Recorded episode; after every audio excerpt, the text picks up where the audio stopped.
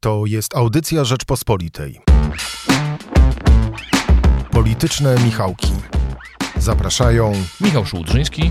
i Michał Kolanko.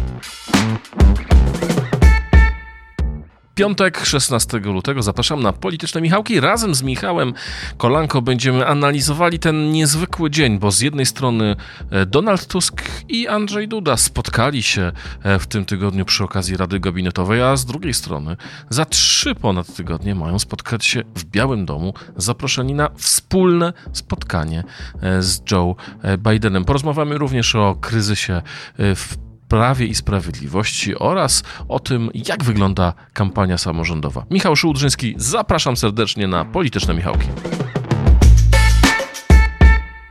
Michale, e, cieszę się, że powróciłeś do politycznych e, Michałków. Po krótkiej przerwie. Od krótkiej e, przerwie. Zdradzamy, gdzie byłeś? Tak, możemy powiedzieć.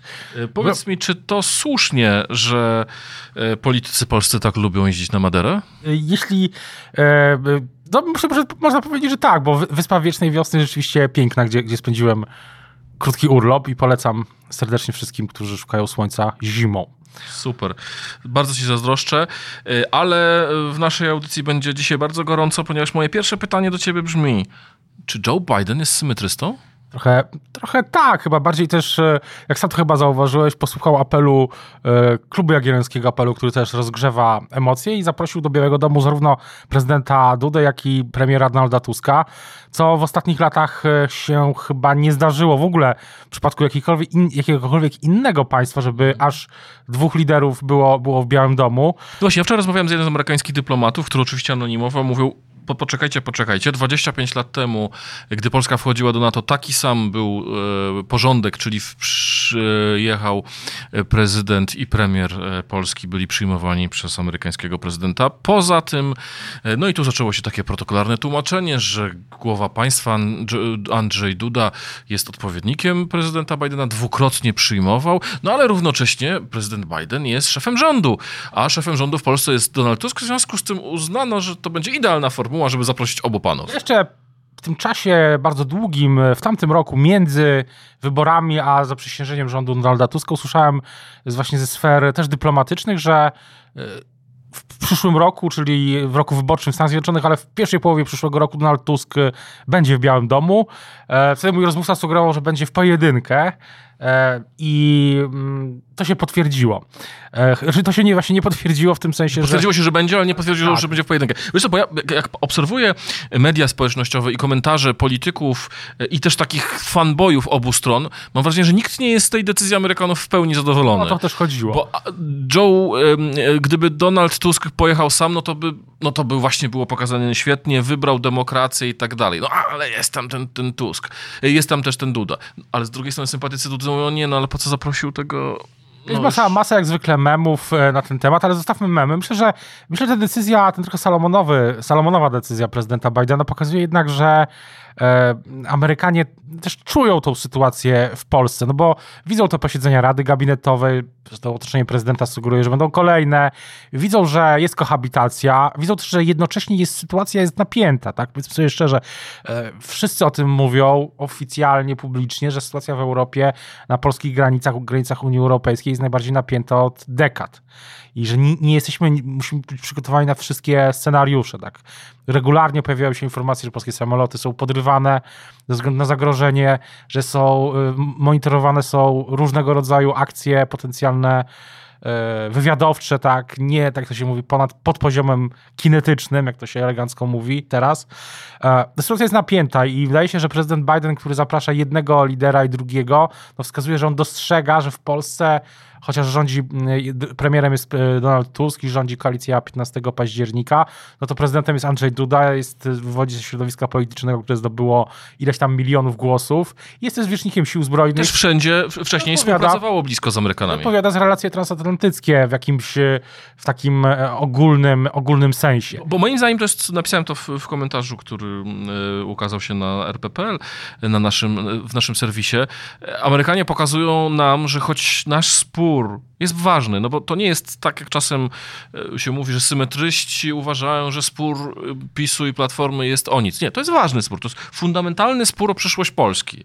Natomiast Amerykanie pokazują, że nad tym fundamentalnym sporem pomiędzy obozem PiSu i antypisu, czy obo, obozem demokratycznej koalicji a sił prawicowych, że nad tym ważnym sporem jest coś ważniejsze. Interes narodowy i bezpieczeństwo, bez, bezpieczeństwo Polski. Bez, kwestie bezpieczeństwa. Myślę, że to będzie wybrzmiewało w trakcie tej no, dosyć e, niecodziennej mimo wszystko wizyty, która będzie na pewno bardzo uważnie śledzona też międzynarodowo, tak, te gesty, sygnały, które zostaną wtedy wysłane będą śledzone globalnie, więc myślę, że ta wizyta będzie ważna, też będziemy ją bardzo uważnie śledzić. Myślę, że ogólnie dla, z punktu widzenia bezpieczeństwa Polski, takiej globalnej komunikacji, która też przecież jest elementem tego starcia informacyjnego, to bardzo dobrze, że w chwili, gdy jest rocznica wejścia do NATO, prezydent Polski, premier Polski jest w Białym Domu z, z, z prezydentem naj, najsilniejszego państwa w sojuszu i pokazuje, że sojusz jest y, no, gotowy na potencjalne ryzyka, które mogą wystąpić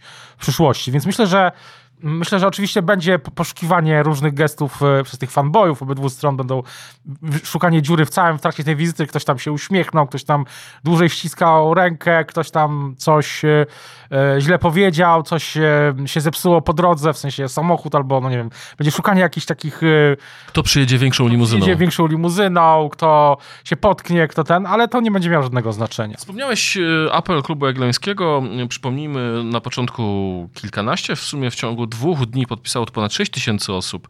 E, apel o dokonanie swego rodzaju resetu konstytucyjnego, czyli zakopanie głównego po, po, e, za pomocą porozumienia dwóch e, mm, stron konfliktu doprowadzenie do rozwiązania kryzysu konstytucyjnego właśnie z powodów bezpieczeństwa, z powodów drugiej rocznicy e, wojny. On wywołał wielkie emocje.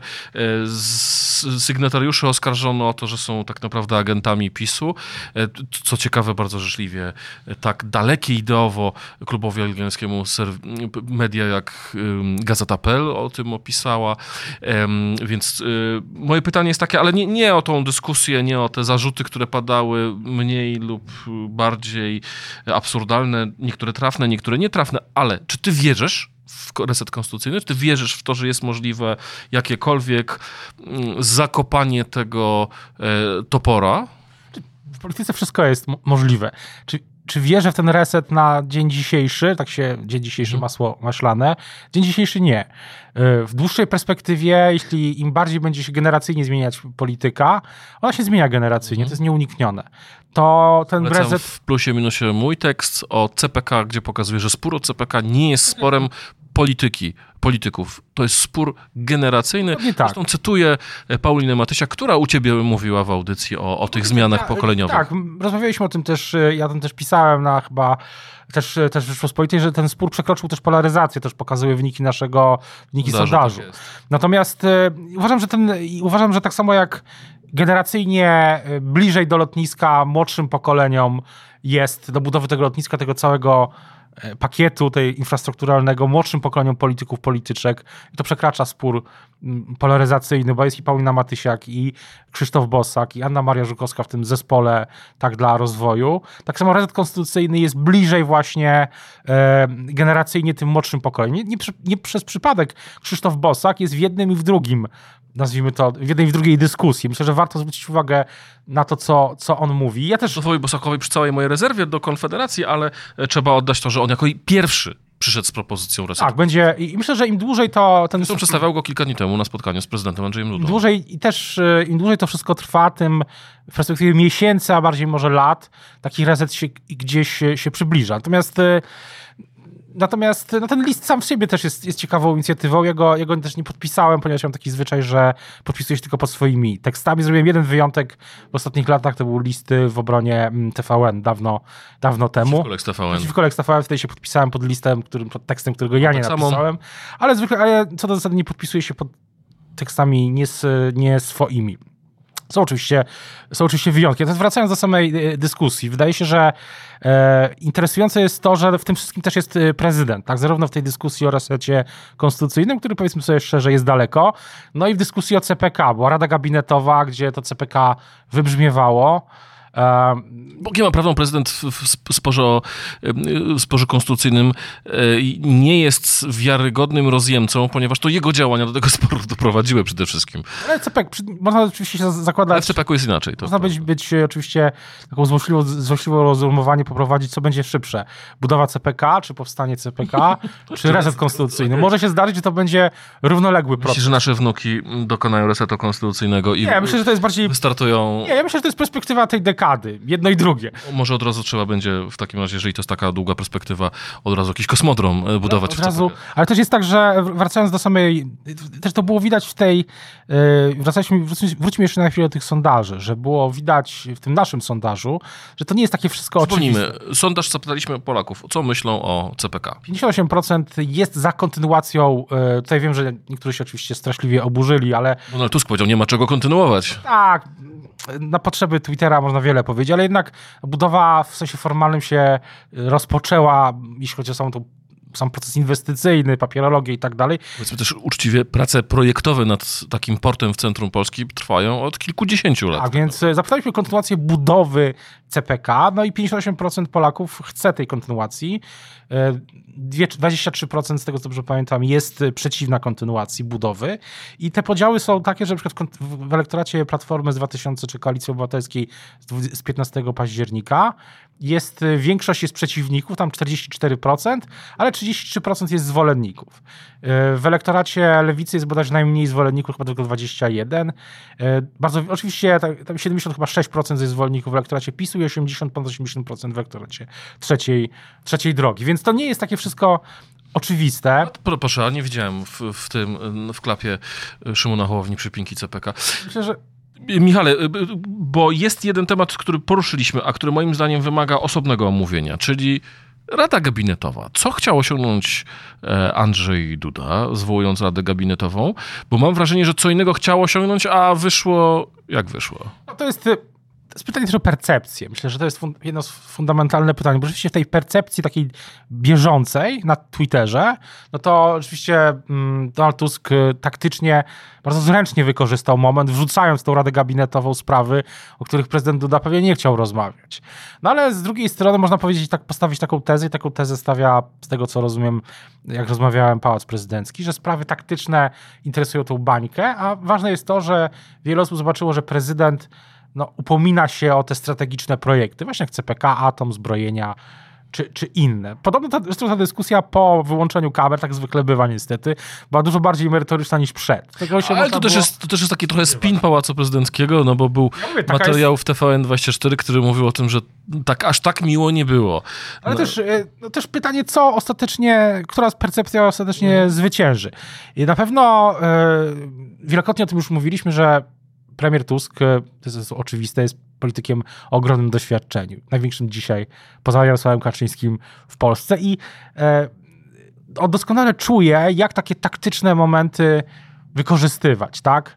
E, z drugiej strony jest ten sondaż i też w narracji Donalda Tuska i Platformy, no już widać inne, pobrzmiewają już troszeczkę inne tony, że, że trzeba mniej zadęcia propagandowego, trzeba się przyjrzeć wydatkom, trzeba zracjonalizować. nie zmarnujemy, no ale też nie, nie wylejemy całego problemu. brzmi w tym wszystkim takie twarde, nie będzie CPK. No bo też widać, tak jak powiedziałeś, że ten spór przekroczył, jak rozmawialiśmy, przekroczył bańkę generacyjną, ale też polaryzacyjną. Dlatego ustawianie się przeciwko CPK dzisiaj dla Platformy może być po prostu niewłaściwym frontem, który trzeba, który można mm, zwinąć, tak? Jest dużo, dużo innych spraw, które emocjonują zwłaszcza wyborców Platformy, tak? Ujawnienie kolejnych e, nieprawidłowości, rozliczenia, żelazna miotła, etc., etc. I też obiektywnie kontrowersyjna i niezwykle e, ważna sprawa Pegasusa, Oczywiście. bo tego też... wciąż nie wiemy. Są tutaj spekulacje, ta e, rzekoma lista e, nazwisk osób z PiSu pod, podsłuchiwanych Pegasusem. Wiemy, że to zrobił prezydent. E, tak, znaczy poinformowa, został poinformowany przez e, premiera Morawieckiego o tym, że taka lista jest, on się mu przekazał listę osób e, e, inwigilowanych i to jest obiektywnie bardzo ważny temat, tak? Natomiast prócz tego, e, jak popatrzymy, no, no dla mnie były niezwykłe te informacje, które podał portal Polityka w sieci o tym, że miliard miało zasięgu w ciągu 12 miesięcy hasło CPK w polskim internecie. To jest po prostu nieprawdopodobne wysycenie tym tematem. Tak, i to też e, w sprawie, która nie jest taka prosta. E, w sprawie dotyczącej infrastruktury. Kiedy, kiedy była dyskusja o infrastrukturze na takiej skali w Polsce? Chyba ta dyskusja o cenach biletów, która była rok temu, była niewielkim takim... Ale no w, ty, w tym studiu Michał Płociński tydzień temu mówił, że jednak przecież e, spieramy się no niezwykle mocno o tym, jak szerokie powinny być ulice w miastach, jak powinny wyglądać ścieżki rowerowe, e, jak tramwaje i tak dalej, i tak dalej. Więc to wszystko jest, to wszystko jest to wszystko jest y, tutaj niezwykle, e, niezwykle e, emocjonujące. Michale, czas biegnie. Chciałem cię zapytać o... Ale jeszcze jedna rzecz. Mhm. Pegasus to jest też sprawa, która rozwibrowuje yy, trochę Prawo i Sprawiedliwość. Że jednak tam ten poziom pewnej nie... Pewnej, no właśnie. Pewnej, nazwijmy to, niepewności takich wzajemnych, wzajemnego spoglądania się za ramię, oskarżeń, podejrzeń i tak dalej, jest jest dosyć wysoki. Myślę, że to jest pytanie, to też się łączy z tym pytaniem o, o spójność całego obozu. Bo rozmawialiśmy o tym wielokrotnie, że dla prezesa Kaczyńskiego nawet duże straty w sejmikach, nawet yy, kolejne, nawet, nawet to, że PiS y, będzie rządzić tylko na Podkarpaciu, to nie jest jeszcze takim, taką złą wiadomością w kontrze do tego, gdyby cały obrus się zaczął rozsypywać na kawałki, tak? I pytanie, czy ta sprawa Pegasusa nie doprowadzi do tego, że e, właśnie PiS zacznie się rozpadać na, na takie, już nie nawet na frakcje, bo te frakcje w PiSie były zawsze, tylko na zwalczające się obozy, które gdzieś będą szukać innych możliwości politycznych, wychodzić z PiSu, bo Kaczyński miał tą doktrynę, że no, partia jest najważniejsza i spójność jest najważniejsza, nieważne czy mamy 35, 30 czy 27%, dopóki jesteśmy w miarę spójni, dopóki nie ma rozłamów, secesji, to PiS może jako taka arka gdzieś tam dopłynąć za 4 lata albo za 8 lat z powrotem do władzy, bardziej w perspektywie jednak 8 lat, bo i to jest kwestia zrzucia się obecnej władzy. E, jak wiemy, te procesy e, postępują, ale mm, nie w perspektywie miesięcy, tylko lat, tak jak było z Platformą 2.7, 2.15 i z PiSem 2.15, 2.23. Ale to, co mówisz, sugeruje, że prezes e, Jarosław Kaczyński jest bo, bo, użyć takich słów, że on zawsze uważał, że partia jest najważniejsza, a teraz te podziały są historycznie najwyższe, to znaczy, że on jest historycznie najsłabszy? Możliwe, możliwe, że tak jest. Znaczy, podziały w PiSie były zawsze, tak jak rozmawialiśmy. No. Te secesje też były potężne. Przecież pamiętamy, jak to wyglądało i z, ze Zbigniewem Ziobrą i z e, Polską jest, e, Polska jest, tak Polska jest najważniejsza. Polską jest najważniejszą z innymi e, ruchami wewnętrznymi, które się kończyły tymi secesjami. Natomiast e, pytanie, czy na to się nakłada kwestia generacyjna, tak jak mm. mówiliśmy. Jest dyskusja, była dyskusja przecież niedawno, miesiąc temu w PiSie o, o sukcesji. I, I wydaje się, że nie było nigdy takiej sytuacji, tak, że jednocześnie jest, jest utrata władzy, bardzo bolesna dla Prawa i Sprawiedliwości są zapowiedzi dalszych e, działań ze strony koalicji 15 października, e, wniosków do prokuratury, komisje śledcze działają, żelazna miotła i tak dalej. Jest sprawa Pegasusa, która to rozwibrowuje wewnętrznie. Jest, są kolejne straty w sejmikach nieuniknione. No i jest, no i to wszystko zbiera się na taką całość, która dla Prawa i Sprawiedliwości nie wygląda najlepiej, mówiąc bardzo dyplomatycznie. Tak, no bo są jeszcze, jak wspomniałeś, te, e, o czym, o czym nie mówiliśmy, ale to, co bardzo emocjonowało e, przynajmniej media, czyli przesłuchania Michała Dworczyka przed komisją e, kopertową, działają komisje dotyczące, dotyczące wiz. Nie będzie działać w przyszłości komisja, zakładając biorąc uwagę emocje wokół tej sprawy dotycząca kwestii zboża z Ukrainy. Tak, mamy kwestię nieoficjalne Orlenu, infuzji, więc to są to wszystkie te rzeczy, rzeczy, które no, będą jakoś PiS osłabiać, prawda? Bo... Ja też, są jeszcze, przepraszam ci wyjdę słowo, wybory europejskie, już kontrowersje, e, pisał o tym e, Michał Rulewski w Wirtualnej Polsce, kontrowersje wokół e, nazwisk na listach do Europarlamentu, tych znanych bardzo, które już które się pojawiają w przestrzeni w obiegu publicznym, Daniel Obajtek czy Jacek Kurski. No i kwestia wyborów prezydenckich, tak? Jak w takich warunkach PiS ma prowadzić prekampanię, a później kampanię prezydencką. Więc myślę, że tych wyzwań jest e, przed Prawem Sprawiedliwością naprawdę sporo. E, są też e, takie właśnie pytania, tak jak mówiłem, właśnie o tą przyszłość samego przywództwa, jak ono ma wyglądać. Więc myślę, że dzisiaj no, wpis jest w sytuacji, której nie był chyba nigdy jako, nawet jako opozycja, gdy rządziła Platforma. No tak, bo to było po dwóch latach rządów PiSu, gdy tych spraw do rozliczania było sporo. Przypomnijmy sprawę. Prezes Kaczyński y, y, był w, był w innym punkcie też swojego politycznego, politycznej kariery. y, Michale, na sam koniec chciałem cię zapytać, dlaczego lewicowa opozycja tak mocno punktuje znaczy, właśnie, opozycja. No bo partia razem to z jednej strony jest e, element nowej większości, ale nie jest elementem koalicji. Skąd się biorą te napięcia w kampanii samorządowej widoczne coraz mocniej pomiędzy lewicą a Donaldem Tuskiem? Myślę, że te napięcia biorą się z tego, że e, partia razem zdaje sobie doskonale sprawę z jednej prostej rzeczy w polityce, że jeśli się nie odróżniasz, to nie ma sensu wybierać kopii, bo jest, jeśli jest oryginał. I partia razem się po prostu musi, odróżnia się od samego początku i w lewicy, a zwłaszcza teraz, i się odróżnia, tak? E, Paulina Matysiak przystępuje do zespołu tak dla rozwoju, e, Magdalena Bijat punktuje, recenzuje e, Donalda Tuska. I Rafała Trzaskowskiego. Rafała Trzaskowskiego, ale bardziej Tuska. W kampanii w Warszawie myślę, że będzie teraz bardzo ciekawa sytuacja, bo raczej jest konsensus, taka powszechna opinia, że Tobiasz Bocheński no, ze względu na niską rozpoznawalność nie jest y, tak silnym kandydatem, potencjalnym nawet, jak, mm, jak mógłby być. Y, ktoś inny, ktoś formatu, no nie wiem, ktoś, kto jest znany ogólnokrajowo po prostu, kto startuje w Warszawie. Mm, I to jest szansa dla Magdy Biejat. Y, myślę, że ta partia razem w ogóle wykorzystuje taki, taką swoją unikalną niszę, tak, że jest właśnie, wsparła rząd w głosowaniach, w głosowaniu, no ale nie jest w tym rządzie. To jest takim, e, przepraszam to słowo, turbogowinem. No, ja nie każdy, wiem, czy, każdy czy rząd się, musi mieć swojego Gowina. Nie wiem, czy by się takim, e, takim e, porównaniem, e, e, czy takie porównanie byłoby dla niej, jest dla niej miłe, ale zostawmy to do oceny ono, naszym... Oczywiście jest o tyle nieuprawnione, że porozumienie było w rządzie, a partia razem nie jest. E, ale coś, ty, ale... Porozumienie w rządzie było, ale się nie cieszyło. Cieszyło się. Bardzo dziękuję Michale za, za tę rozmowę. Dziękujemy Państwu za uwagę, naszym widzom i e, naszym słuchaczom. E, w najbliższym czasie będą pewne perturbacje z naszymi podcastami, ale w piątek bądźcie Państwo z nami i dziękujemy tradycyjnie Michałowi Patyrze, który był naszym realizatorem. Dzięki bardzo.